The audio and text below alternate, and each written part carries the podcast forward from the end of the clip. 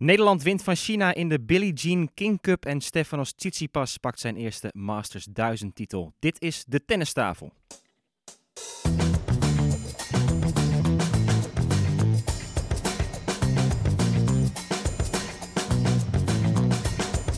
Please take your seats quickly, ladies and gentlemen. Thank you.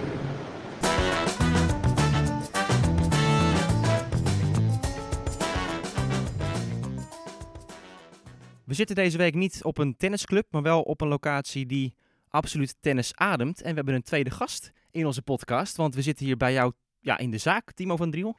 Tennis Tuning Dordrecht. Ja, Dit is klopt. Jouw, eh, jouw hemeltje. Ja, dit is een, eh, niet alleen een werkplek, maar ook een plek waar we eigenlijk altijd wel thuiskomen. Het is veel werken hier. Eh, toch wel een uurtje of tachtig in de week op het moment, maar het is wel altijd een beetje thuiskomen. Uurtje of 80 in de week, op dit moment. Ja, op dit moment is tennis erg booming. Ja? En wij hebben eigenlijk geen, eh, geen vrije momenten. We hebben een tennisschool en een tenniswinkel. En ik sta hier eigenlijk met mijn vrouw eh, zo vaak mogelijk samen te bespannen. En eh, ja, we doen hier natuurlijk ook de administratie en eh, eh, afspraken tegenwoordig. Hè. Het, is, het is niet meer shoppen zoals, eh, zoals je gewend bent, maar het is werken op afspraak. Ja, jullie zagen het al, hè. Eh, we hadden net al drie klanten voordat jullie binnenkwamen. Even op afspraak. Mooi plekje, jongens, toch? Het is een snoepwinkel.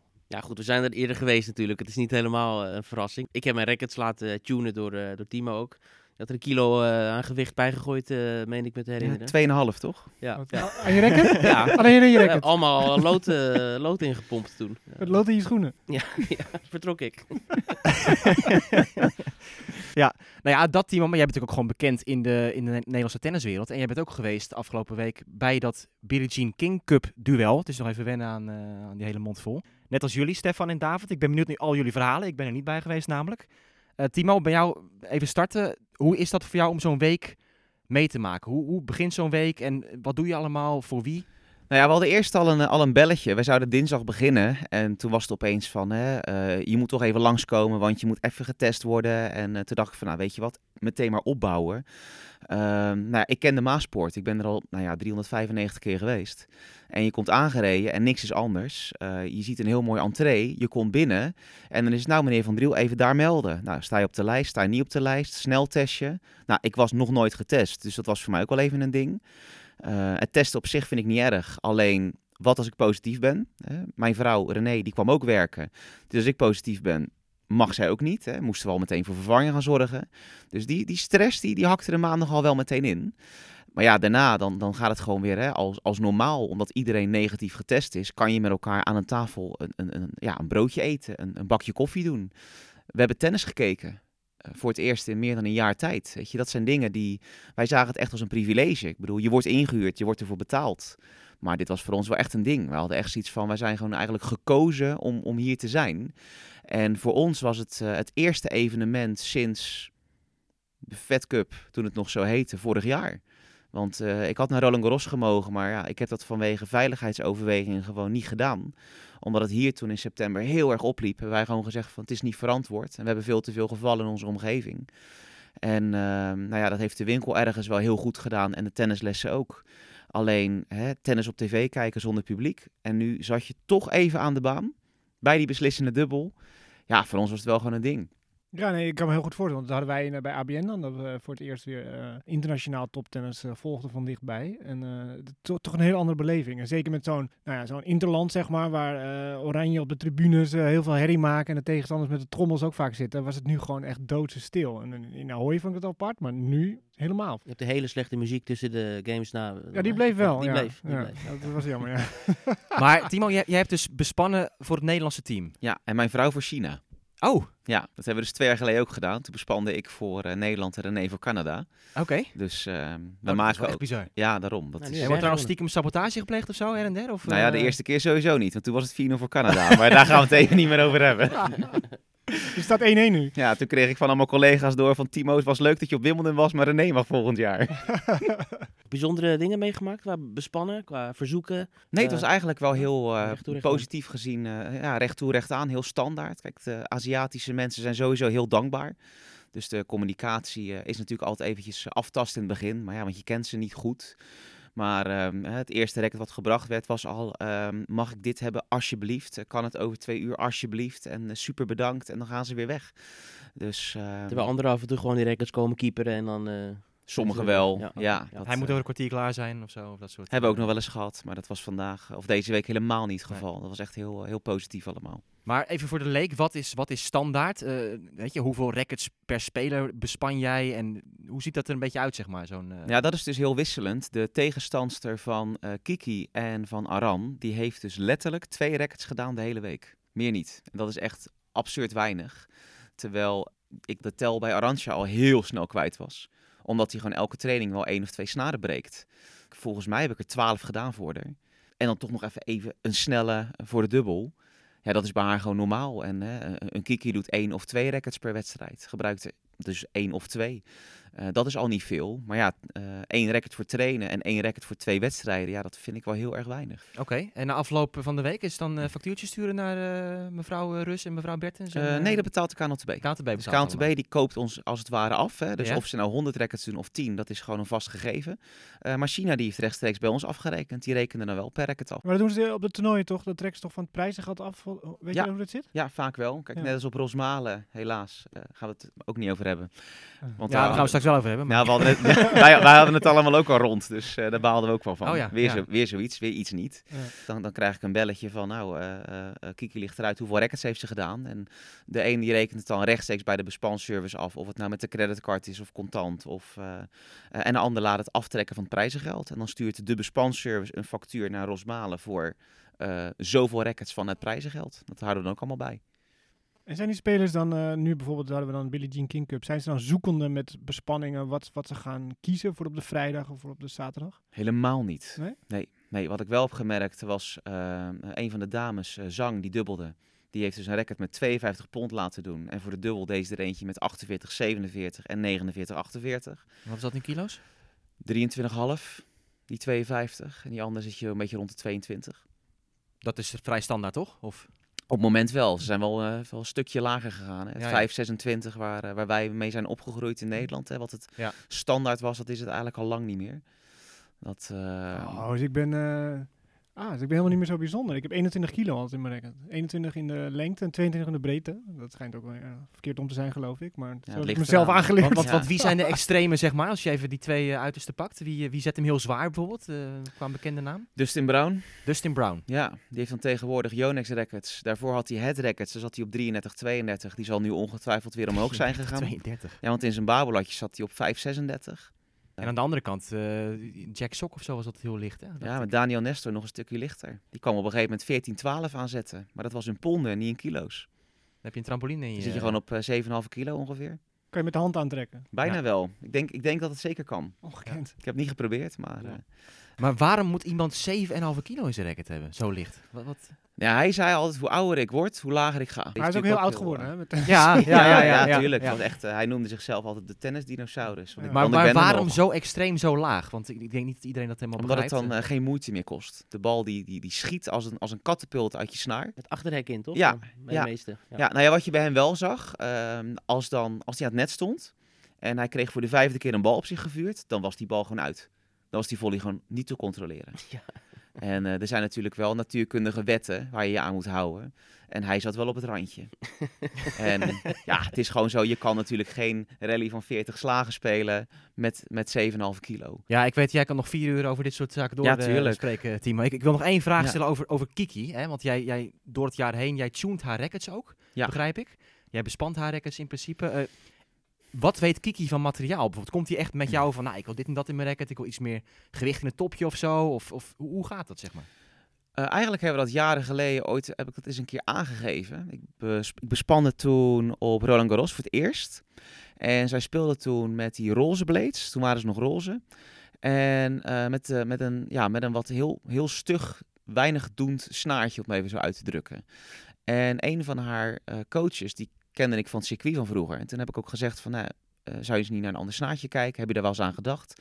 Nee, eigenlijk niet. En toen ik de rackets toen in december van 2012 een keer kreeg, toen bleek ook dat er nog nooit wat aan gedaan was. Dus toen hebben we ook gewoon gezegd van, nou weet je, in overleg, zullen we dit gewoon eens proberen? Dus negen Eh, jaar geleden is het al, dus zo lang eh, ja. ben je al betrokken daarbij. Ja, en toen, eh, ja, toen, toen zeiden we ook van, weet je, we gaan het gewoon proberen. Ik heb er een idee bij, hij heeft er een idee bij. En eh Kiki had zoiets van, nou prima, we doen het gewoon. En zij weet op dat vlak heel weinig van haar rackets, maar zij weet wel waarom het gebeurt. Zij merkt het niet direct aan zichzelf, maar wel aan wat er aan de overkant gebeurt. Ja, ja. Dus hoe die bal daar wegspringt naar de stuit. En... Ja, dus iemand die hè, met test racket 1 op de baseline stond, stond met test racket 2 in het gordijn. Ja, ja. En op basis daarvan is toen de keuze gemaakt voor hè, het, het, het goede racket. En eh, ja, dat is eigenlijk nu al een paar jaar, eh, al negen jaar hetzelfde. Dat is een leuke switch geweest. Maar het klinkt misschien overdreven voor de recreant die misschien nu aan het luisteren is. Maar jij pleit wel voor dat bijna iedereen wel iets met zijn racket moet doen. Hè? Of tunen. Of, ja, tunen, het klinkt zo eh, hooghartig. Wij hebben al, onze rackets volgens mij door jou eh, laten te beet nemen. Maar volgens mij, recreanten kunnen het ook gewoon doen. Ja, tuurlijk. Want het begint al met iets, iets stoms als... eh, mijn grip is altijd zo glad of ik zweet zoveel. Hè. Kijk eens naar... eh, moet je dan met een leren grip spelen, met een overgrip? Moet je met een stoffige grip spelen of een plakkerige grip? Ja, om nog maar te zwijgen over de bespanning. Ik bedoel, 90% van de tennissers breekt geen snaar en hebben waarschijnlijk ook maar één racket. En dat ene racket moet dus perfect zijn. Want ja, en dat bedoel ik niet lullig, maar als ik één racket van Federer niet goed zou bespannen, figuurlijk gesproken, dan heeft hij er die dag nog zeven. Dan doe ik die achtste gewoon nog een keer opnieuw. En niet iedereen heeft zoveel rackets. En het racket van hun is altijd perfect, want het is hun brood.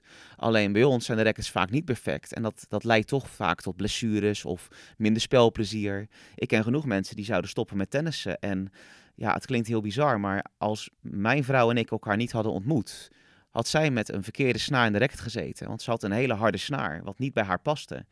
Ze had last van een tennisarm. Ze leerde mij kennen. Ik heb stiekem de racket aangepast. En nu hebben we samen een tenniszaak en een tennisschool.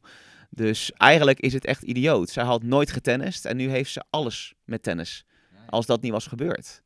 En daarom pleit ik ook altijd voor dat juist recreatieve tennissers altijd naar hun rackets moeten laten kijken. Omdat ze gewoon vaak er meer uit kunnen halen en het ook langer vol kunnen houden. Ja, en, en hun leven kunnen veranderen dus. Ja, ja letterlijk. Dus eh, alle tennissers, jullie kunnen langskomen bij, wat is het adres hier ook weer, eh, Timo? Ja, Voorstraat? Voorstraat 45 in Dordrecht. In Dordrecht, in Dordrecht. Ik hoop, ik hoop na 28 april niet meer op afspraak. Nee, precies. En ik zie nog een hele stapel rackets liggen daar. eh, dus eh, ja, je gaat volgens mij ook gewoon lekker doorwerken, toch? Ja Eh, hoor, eh, slapen doe je s'nachts toch? Ja, precies. Nou, Timo, dank, eh, dank voor je bijdrage. En wij gaan door. We horen straks de snaren waarschijnlijk op de achtergrond. Die onder andere worden genomen door jou. En eh, ja, top. Dankjewel. Ja, en dan kijk ik nu naar eh, David en Stefan. Want jullie zijn net als Timo heel de week daar geweest. In eh, de Maasport in Den Bosch. Waar Nederland toch wel weer een hele gekke wedstrijd heeft gespeeld tegen China. Ze hebben gewonnen, maar zeker Kiki Bertens, die geblesseerd moest afhaken. Dat werd eh, ja, weer een grote teleurstelling op de tweede dag. Hoe was het? Hoe was de sfeer in het lege stadion? De muziek was goed, hoor ik. Nee, de muziek was zeker niet goed, sorry. Ik vroeg me ook af wat de Chinezen daarvan vonden. Van al die Nederlandse, eh, ja, wat hebben we allemaal? Skihut? Skihut en eh Borsato en eh, dat soort dingen. Ehm, maar ja, het was heel bijzonder, zoals we net al zeiden. ehm, en prachtig dat Nederland weer een keertje wint. Ja, belangrijk ook, Ja. vooral. Is heel belangrijk. Hele belangrijke ja, overwinning. Dus ik was veel meer te verliezen dan te winnen misschien wel. ja, ja, Ja. want dat degraderen, dat, dat, naar die zone, Ja, dat wil je niet. En nu hebben ze echt weer zicht ja, op, op die finals.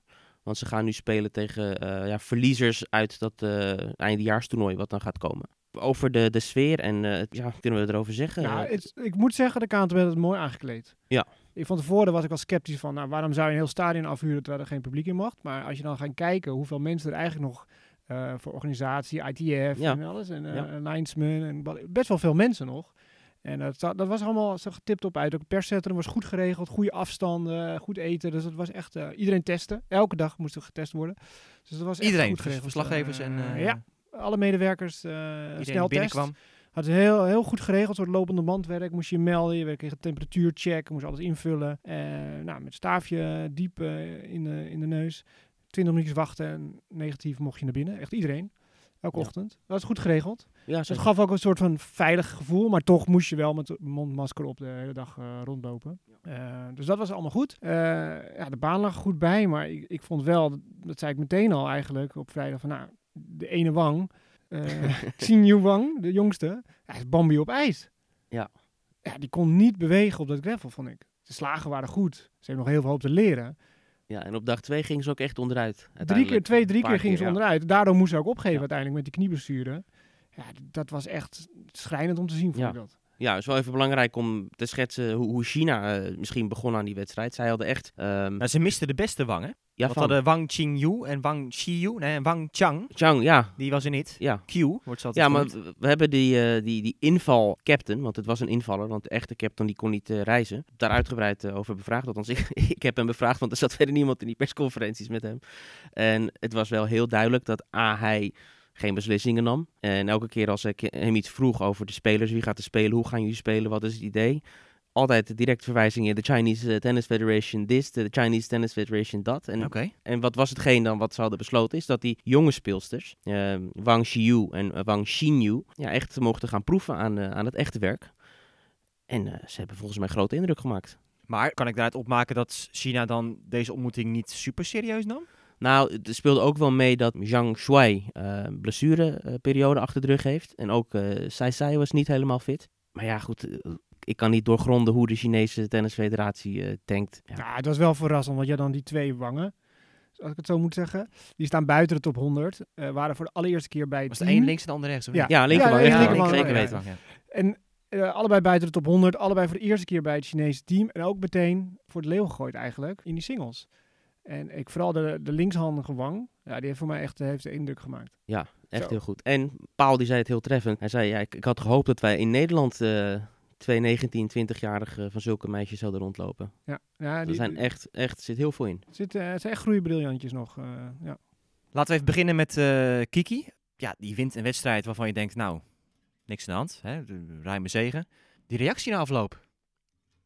Emotioneel, Kiki weer. In, Ja. eh, in het interview op de baan. En het, is, het lijkt alsof het altijd gebeurt. Hè? Als hij Fed Cup speelt, dan eh, komt er iets los wat we normaal niet zo snel zien bij Ja, Kiki. maar in dit geval nog meer, want ze heeft, dat gaf ze ook later toe, ze is echt een drempel overgaan, iets doorbroken, want ze had natuurlijk drie slechte wedstrijden- gespeeld op hardcourt. Nu op gravel moet het gebeuren. Voor mij was ik ook wel blij dat het stadion leeg was, want ik denk als dat volle bak was geweest, dan had die druk nog iets groter geweest. Ze heeft echt iets doorbroken en dat zag je ook in die tweede set. Ze won ze 2-6-0. Nou, eerst vijf games gingen zeg maar gelijk op. Nou, daarna kwam ze los en in die tweede set speelde ze echt wel weer los. Ze bewoog ook goed, dus we zagen eigenlijk helemaal niks geks aan Nee, haar linker Achillespees of aan hoe ze bewoog. Het was een uur en zeven minuten die partij. Ja, en de volgende dag weer opstaan was het toch... eh, Nou ja, we waren al druk aan het speculeren met z'n allen, zowel onderling als met de KNLTB-persmensen. van eh, welke veranderingen gaat China doorvoeren? ja, want die kleine wang die maakte helemaal geen indruk, vond ik. Precies, en toen kwam het nieuws, no changes in Team China, changes in Team eh, Netherlands. Geen Kiki. Ja, nou, een hele, hele nare verrassing. Want eh, natuurlijk voor het team, nou, het is allemaal goed gekomen. Als we, ik weet niet of nu al willen inzoomen op Kiki zelf. Dat is natuurlijk wel zorgwekkend. Ja, ze heeft een uur, een wedstrijd van een uur gespeeld. Ze heeft gewoon getraind die hele week, was niks aan de hand. Ze heeft oefensetjes gespeeld. En dan een wedstrijd van een uur doet kennelijk zoveel met haar lichaam. Spanning, wat er dan bij komt kijken, intensiteit. Ja. Dat ze nu ook deze week niet kan spelen. Even één- één stapje terug, want ze had Miami gespeeld natuurlijk. En ze ging toen Charleston, wilde ze er achteraan spelen. Ze was er ook al eh, aanwezig, ze had getraind. Meldde zich laat af, nadat, nadat het loting al was verricht voor dat toernooi. En toen was het verhaal, ja, de transitie was toch te snel van hardcourt naar gravel. Nou ja, daarna heeft ze dus anderhalve week nog gehad, voordat die, eh die Billie Jean King Cup wedstrijd begon. Om echt weer op dat gravel te spelen. En dat ze dus nu nog steeds toch meer met die problemen kampt. Ja, dat is dan wel een dingetje. Dan kan je niet meer zeggen, ja, de transitie van hardcourt naar gravel was het probleem. Kijk, wij we- weten ook niet veel van dat soort blessures. Dus we hebben iemand erover gesproken over hoe zit dat nou. Eh, Babette Pluim, eh, teamarts. Hè? En eh, die heeft vrij uitgebreid uitgelegd hoe dat dan zit. Hè? Met pezen en dat moet lang herstellen. Onze prangende vraag was eigenlijk, had Kiki het kapot kunnen maken door te spelen? Wetende dat ze dus nu zich terug heeft getrokken. Dat niet. Ze kan het niet eh, helemaal eh, knappen, maar ze kan wel de, de comeback vertragen in zekere zin. Dus het is meer een paar stappen vooruit en een paar terug. Een paar vooruit, een paar terug. En wat wel interessant was, wat ze zei, was dat de, de medische wereld kijkt nu anders tegen dit soort blessures aan dan voorheen. Voorheen was het echt van niet spelen, stilzitten.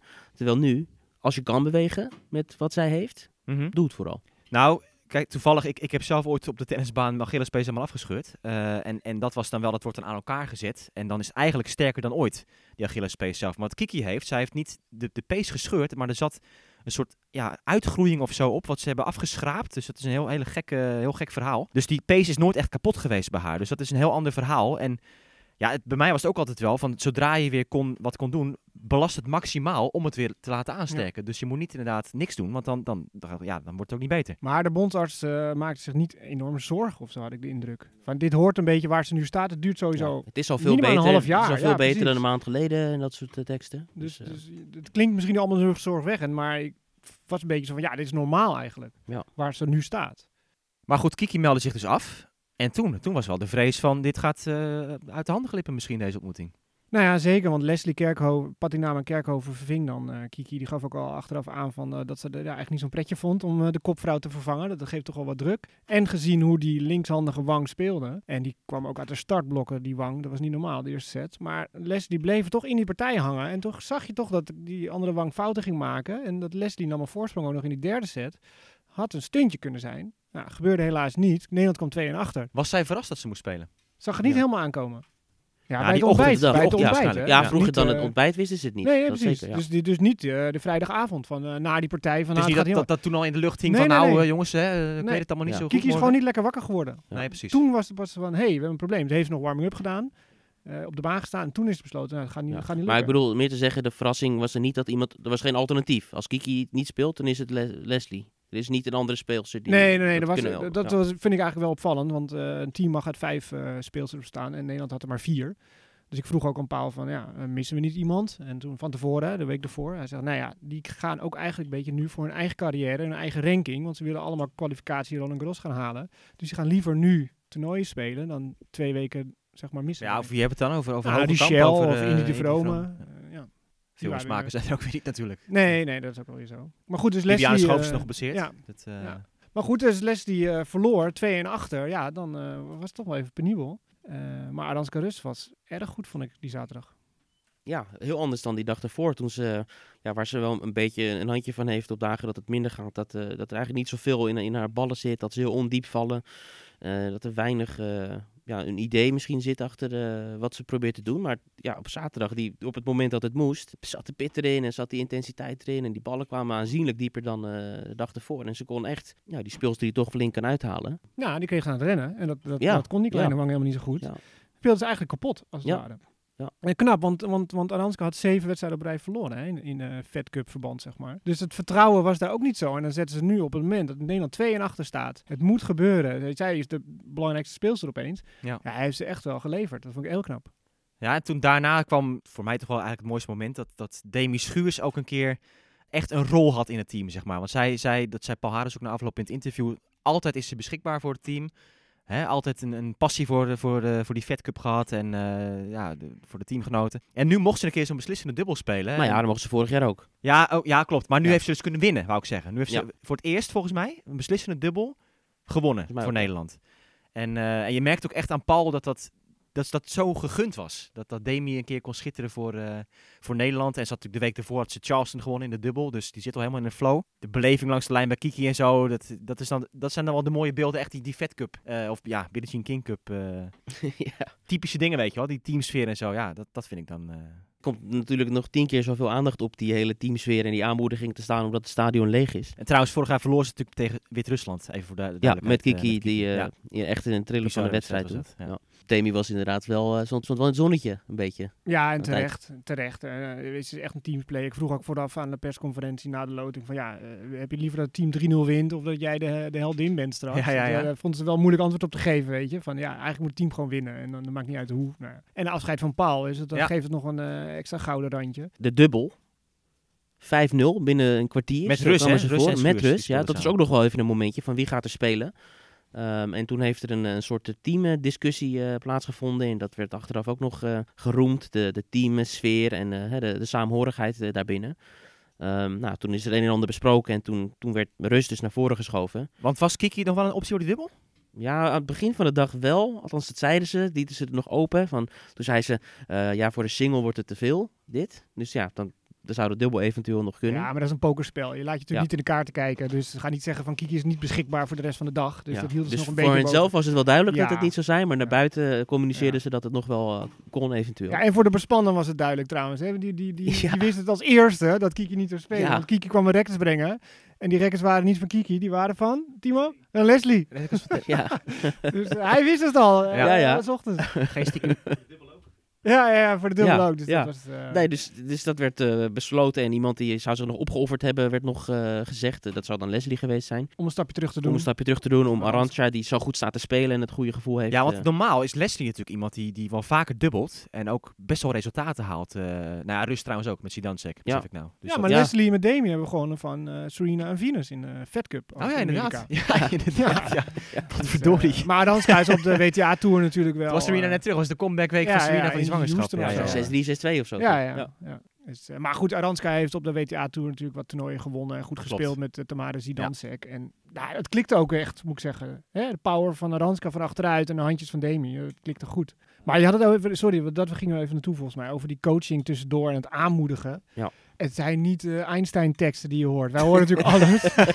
Zat hij achter de spelers daar? Ja, ja Wij die kant. korte zijde, ja. Ah, korte oké. van de baan. En we keken zo, ja, elke keer opstaan. Dus Kiki elke keer opstaan met die Achillespees. En eh, heel goed, heel goed, Ja. kom op. Terwijl Weer, de tegenstander weer. een bal in net sloeg of zo, weet je. Van, eh, Nee, wat verwacht jij dan? uit je Dat er benen. even een tactische kreet... Nee, maar het is gewoon eigenlijk wat wij... Derde bal naar de voorhand! Ja, zo'n stappenplan.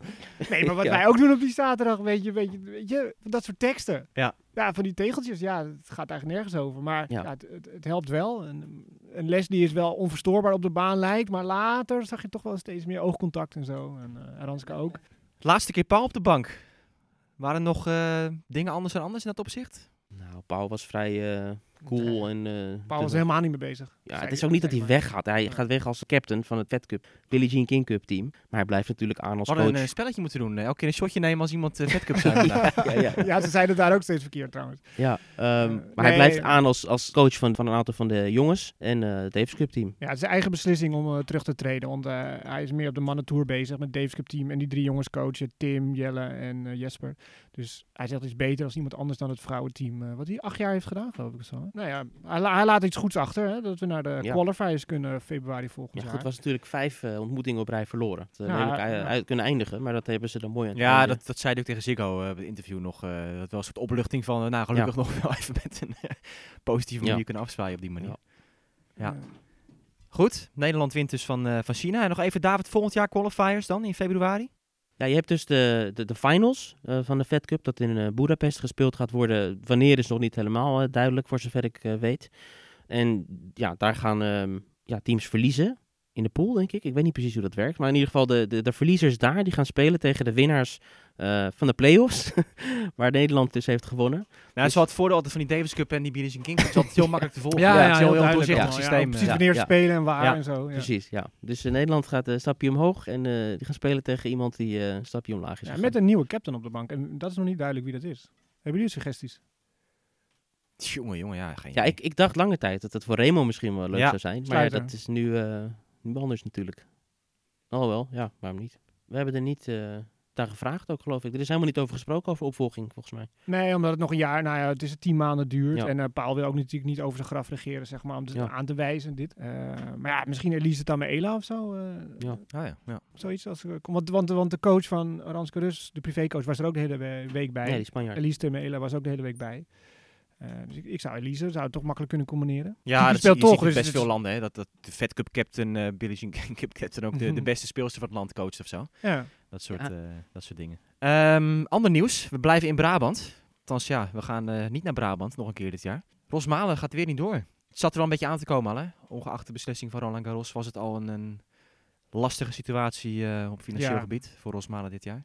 Ja, nou het is natuurlijk geen ABN wat erachter staat. Zo, zo, hè? Dat, met zoveel zak geld, zeg maar, een goede sponsoring. Dus we hebben echt publiek nodig eh, voor het toernooi van Rosmalen. Nou, het was onzeker of er publiek bij kon zijn. En zo ja, hoeveel. Eh, dus er was al achter de schermen, werd al van ja, wat gaan we doen? En moeilijk. Ja, dan kregen we het nieuws dat Roland Garros ging een week opschuiven. Ja, dat heeft dan wel het duwtje gegeven om, eh, om de knoop door te hakken. En zeggen, nou, we slaan nog een jaar over.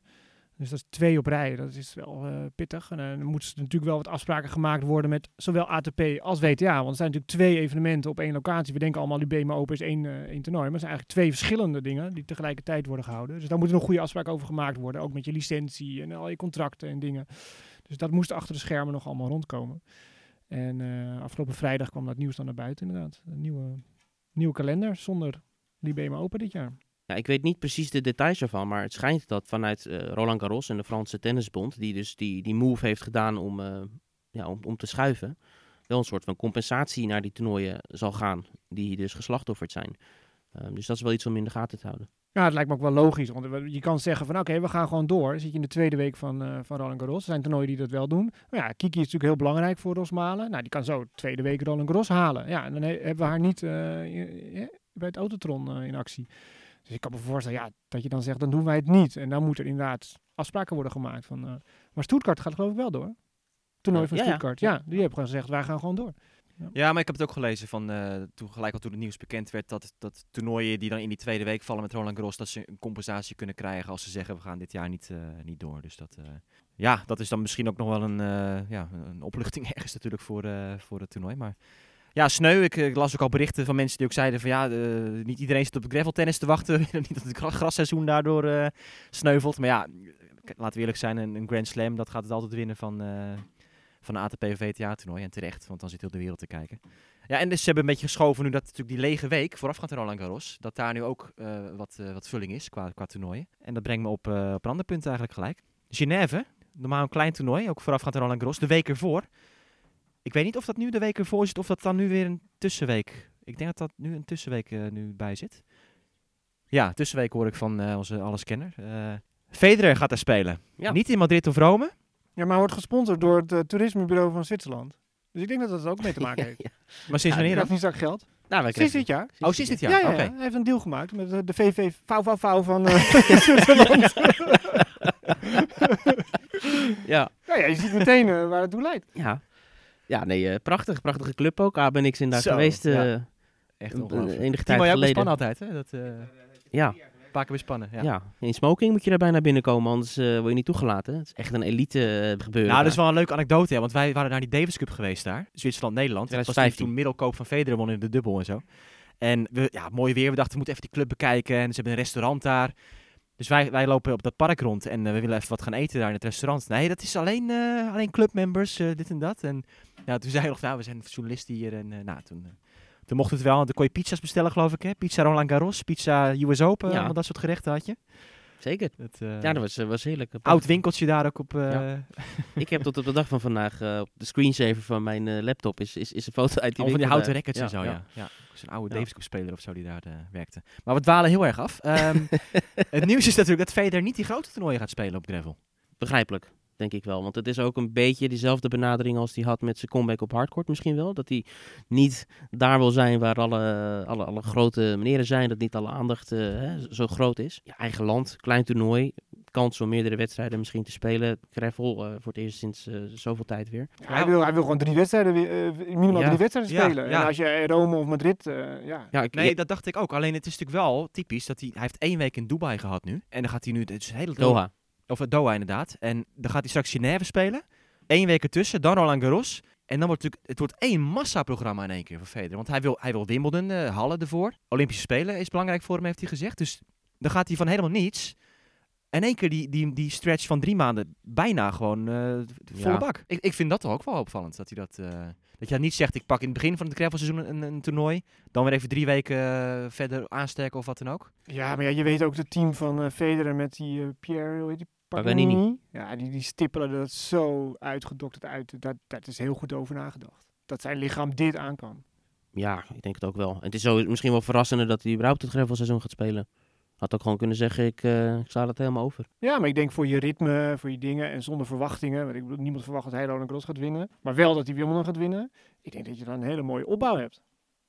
Nee, ik zeg niet wij, maar het grote publiek. Als hij op Wimbledon aankomt, ja, hallo, dan hoort hij gewoon bij de favorieten. Ook al heeft hij met drie wedstrijden gespeeld. Maar dat zei hij ook wel. Hij zei van om op gras weer echt top te zijn, moet hij ook gewoon die wedstrijden gespeeld hebben. En toevallig zit dan het gravel ervoor. Dus het was ook zijn eh, ja, verplichting eigenlijk dat hij daar moest, wel moest spelen daarvoor. Ja. Ja. en het gravelseizoen is natuurlijk inmiddels ook echt eh, begonnen voor de mannen. Het grote toernooi van Monte Carlo met nou ja, van alles en nog wat, wat daar is gebeurd helemaal. Eh, Djokovic en Nadal, allebei voortijdig uitgeschakeld. Ik denk dat, we dat eh, niet hadden zien aankomen. Wat was de grotere verrassing voor jullie? Djokovic die van Dan Evans verliest? Of Nadal die überhaupt verliest op gravel?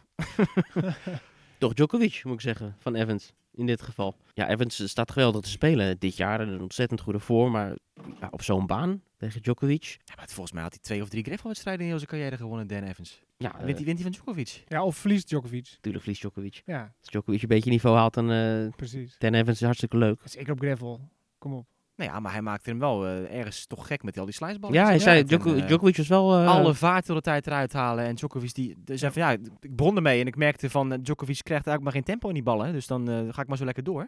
En Ja. hij gaf ook echt aan, door die slice had hij heel vaak de kans om de bal daarna agressief te zijn. En Maar het was ook wel een trage baan, hè? Verder. Ik bedoel, Evans vertraagde, maar het weer zat niet mee. nee, en het, was, het stond vrij veel wind op die dag. Ja. En dat Djokovic ook altijd een, eh, een hekel aan. eh. Ja.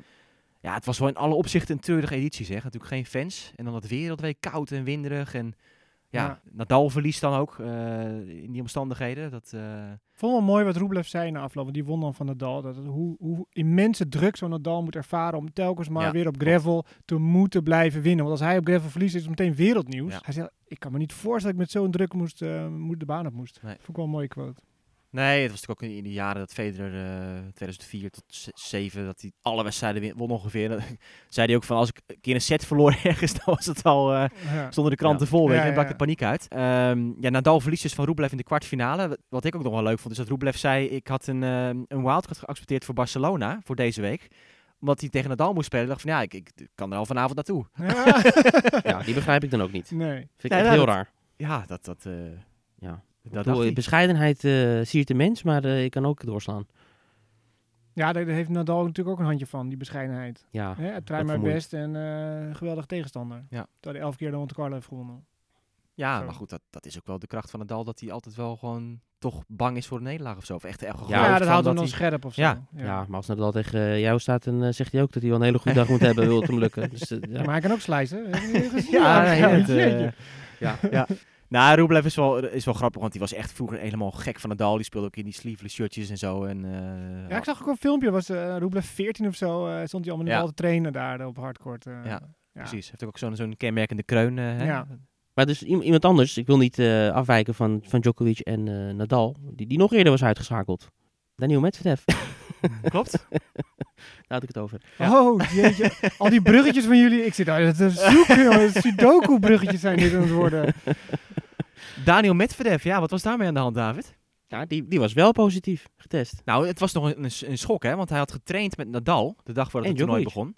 Oh, en met Djokovic ook? Ja, Oké, oh, dat had ik even niet. eh, maar maar Na- Na- Nadal, eh, die, die, die werd vooral uitgelicht daarvoor. Van eh, ja, en hoe zit het daar dan mee? Ja, nee, maar die was niet een kwartier lang bij hem in de buurt geweest of zo. Hij zegt, we hebben alleen op de baan gestaan en met die training en altijd op vier meter afstand. Alleen de afloop even snel bedankt en tot ziens. Maar ja, met Medvedev, ja, zou hij het erg hebben gevonden? Dat het graveltoernooi wegviel voor hem?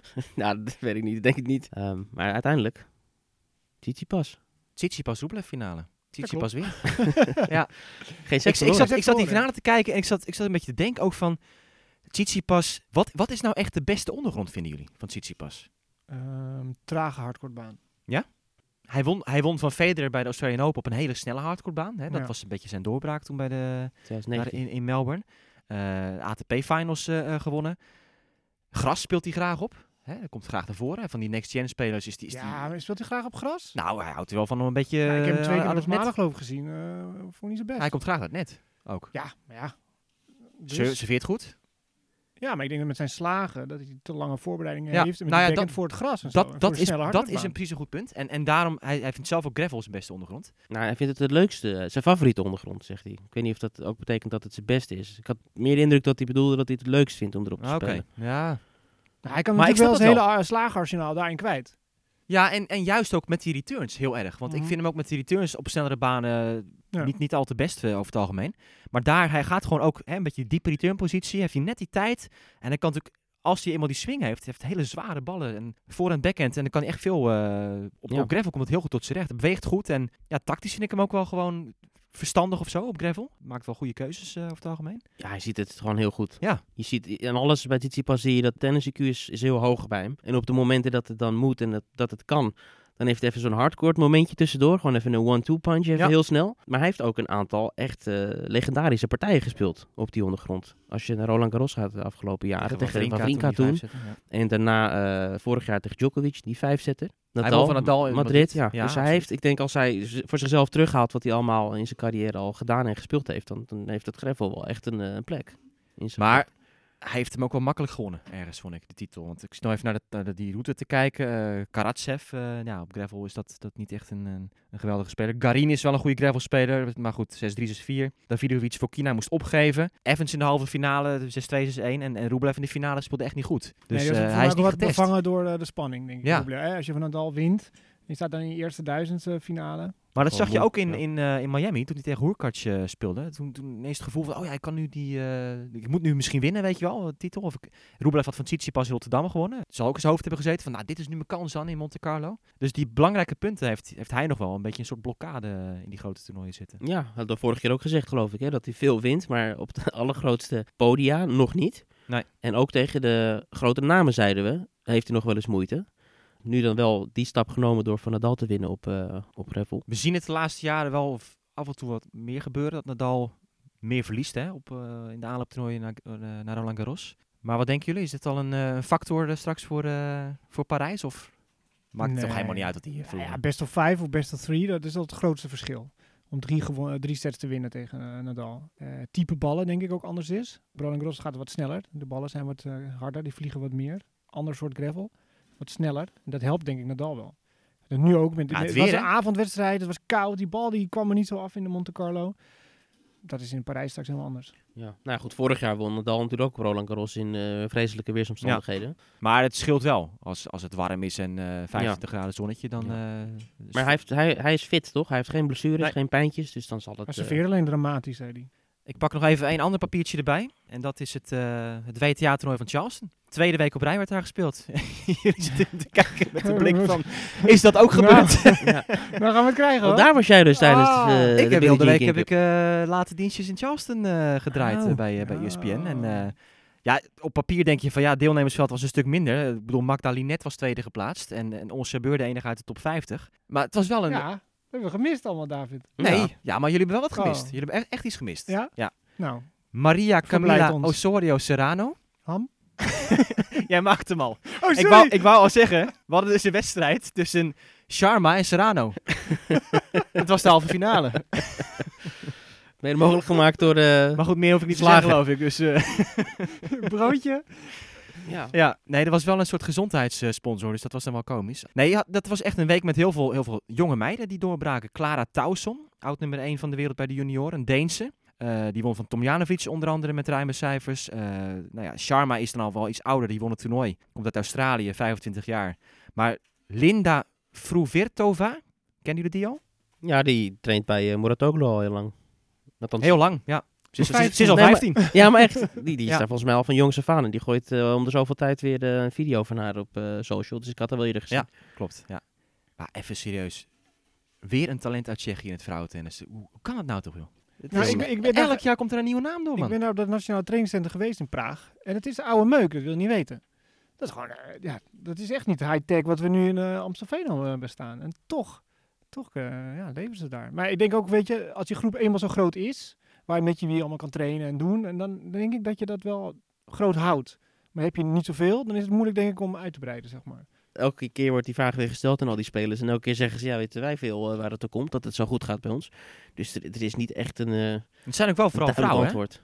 Dat Berdig Stepanek, die de Davis Cup ook, eh, ook wonnen. Alleen het is, het is voornamelijk wel het vrouwentennis dat, eh, dat de ene naar de andere grote naam aflevert. Nou, zij haalde dus de kwartfinale. Pas 15 jaar. Ze won van Alice Cornet. Wat natuurlijk heel knap is op, eh, op gravel. Eh Ons Jabeur haalde de finale. Die verloor dan eh, van Sharma. En nee, ik heb hem wel vermaakt. Dus. En, en, niemand. en, en natuurlijk, wat heel uniek was, is dat alle speelsters daar het eh, vaccin konden krijgen. Van Janssen en Janssen. Of van, van Johnson Johnson, het Janssen-vaccin. Ja. Tot het moment in de, ja, de tweede week dat dat allemaal weer ging opspelen met die trombosegevallen, het, is stilgelegd. Daarover straks iets, iets meer nog. Maar ja, de, hè, de Fed Cup meiden, Billie Jean King Cup. Shotje, die hadden het ook hè. Kiki Bertens, Ja. Gevaccineerd. Ransko Rus, Demi Schuurs. Aranska Rus trouwens, die was niet in Charleston, maar die, die vloog terug vanuit Bogota via Miami. En die heeft toen bij- in Miami bij een apotheek, heeft ze gewoon het vaccin kunnen krijgen. Als, als buitenlander. Dus dat is ook een, een bizar Ja. verhaal. CC eh, Hugo de Jonge. Ja, ja. Maar je kan dus zo, als wij eh, bij wijze van spreken een toernooi in Amerika zouden verslaan. eh, misschien moeten we volgende week even een Miami-aflevering opnemen. Ja. Bedrijfsuitje met de tennistafel. En dan eh, even een vaccentje Oh, dat is in Petersburg. Ja, Sputnik. moeten we toch nog een keer. Sputnik-vaccin is uitstekend ook, ja. Goed. We zijn rond, denk ik, of niet?